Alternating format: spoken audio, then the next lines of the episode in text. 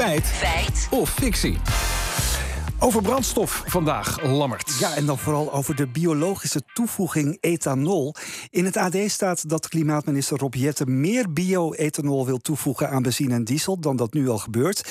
Maar eigenaren van oudere auto's, motoren en buitenboordmotoren, die zijn er niet zo blij mee. Want ze klagen over slecht lopende motoren en soms zelfs auto's die stilvallen. Ja, want die, die motoren die van oudere auto's, jij hebt er zelf ook een trouwens, toch? Ja, klopt. En ik moet zeggen, toen ik, uh, toen ik dit las, dacht ik weer, ja, ik moest vorig jaar wel weggesleept worden door de ANWB... omdat er een brandstoftoevoerslang helemaal verteerd, verteerd was. Ja, dus ik, ja, ik wilde hier alles over weten. Om het te gaan checken heb ik allereerst gebeld met Norbert Lichterink... van onderzoeksinstituut TNO, om te vragen wat nou eigenlijk de voordelen zijn van bioethanol. Er zijn verschillende impacts. Zeg maar, eh, dat betekent dus dat je voor een gedeelte op biobrandstof rijdt dus dat het een vermindering is van fossiele CO2 die voor het klimaatprobleem zorgt. De brandstof heeft ook een wat lagere energiewaarde. Je moet ook een paar procent meer tanken om dezelfde kilometers te rijden. Dat zijn denk ik de twee belangrijkste impacts. Oké, dus het is wel in elk geval beter voor het klimaat, zegt deze deskundige. Maar volgens het Algemeen Dagblad aan de andere kant ook weer schadelijk voor oude auto's. Hadden we het net over. En eh, ook niet zo zuinig, begrijp ik. Nou, dat vroegen we aan eh, Frank Jacobs, journalist bij uh, Autoweek. Ligt het verbruik van brandstof lager met inmenging van biobrandstof?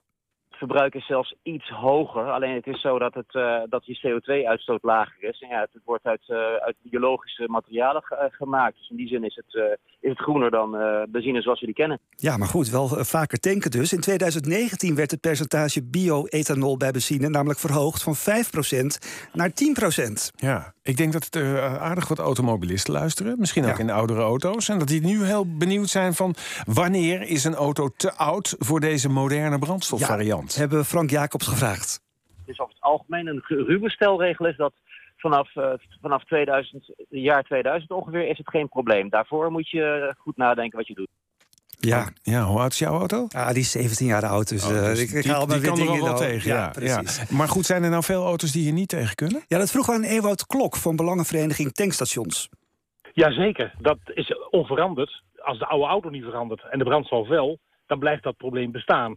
Maar daar hebben we gelukkig een alternatief voor. Dat is bij heel veel uh, bemande tankstations verkopen ook de premium brandstoffen. Moet je denken aan Ultimate, V-Power, Excellium. En dat zijn over het algemeen de brandstoffen die, uh, waar een oude auto heel goed op kan rijden. Ja, alleen die zijn vaak wel een stuk duurder dan gewone benzine, kan ik je vertellen. Ja, oké, okay, maar goed. In ieder geval, je kan, je kan er omheen. Dus nou ja, is het uh, nog even de vraag, wat was het, feit of fictie? Ja, daar lijkt het, uh, het lijkt erop dat het een feit is. Maar we moeten er volgens Paul de Waal van Bovenhoog wel een kanttekening bij plaatsen... bij dat artikel van het AD dit is gebaseerd op verkeerde aanname. Hè. Er, is, er is sprake van dat in de plannen een, een extra bijmenging komt van uh, biobrandstoffen. Maar dat gaat over de hele brandstofplas. En het is zeer onwaarschijnlijk dat dat bij benzine wordt bijgevoegd. Om benzine zit al 10% in, hè, dat is E10. En dit slaat waarschijnlijk neer op diesel. De, daar is nog het meeste te winnen. Hè. Ja, en ook zegt hij dat we met de bijmenging van biobrandstoffen al behoorlijk aan de bovengrens zitten.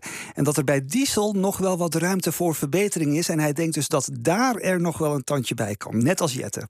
Ik vind het best een ingewikkeld onderwerp als ja, ik heel eerlijk ben. Nou, het is, de benzineauto's hoeven zich geen zorgen te maken. Dieselauto's, daar komt dus waarschijnlijk bij de diesel bio-ethanol bij. Oké, okay, goed. Nou, maar terug naar die vraag. Meer toegevoegde bio-ethanol aan brandstof is slecht voor je oude auto. Is dat feit, Lammert, ja. of is dat fictie? We legden hem voor aan Frank Jacobs van Autoweek. Jazeker, dat is echt slechter. Um, het tast onderdelen aan, uh, allerlei onderdelen. Maar er zit een tweede puntje aan. Dat geldt overigens ook voor het jongere auto's. Bioethanol heeft de eigenschap om op lange termijn uh, vocht aan te trekken.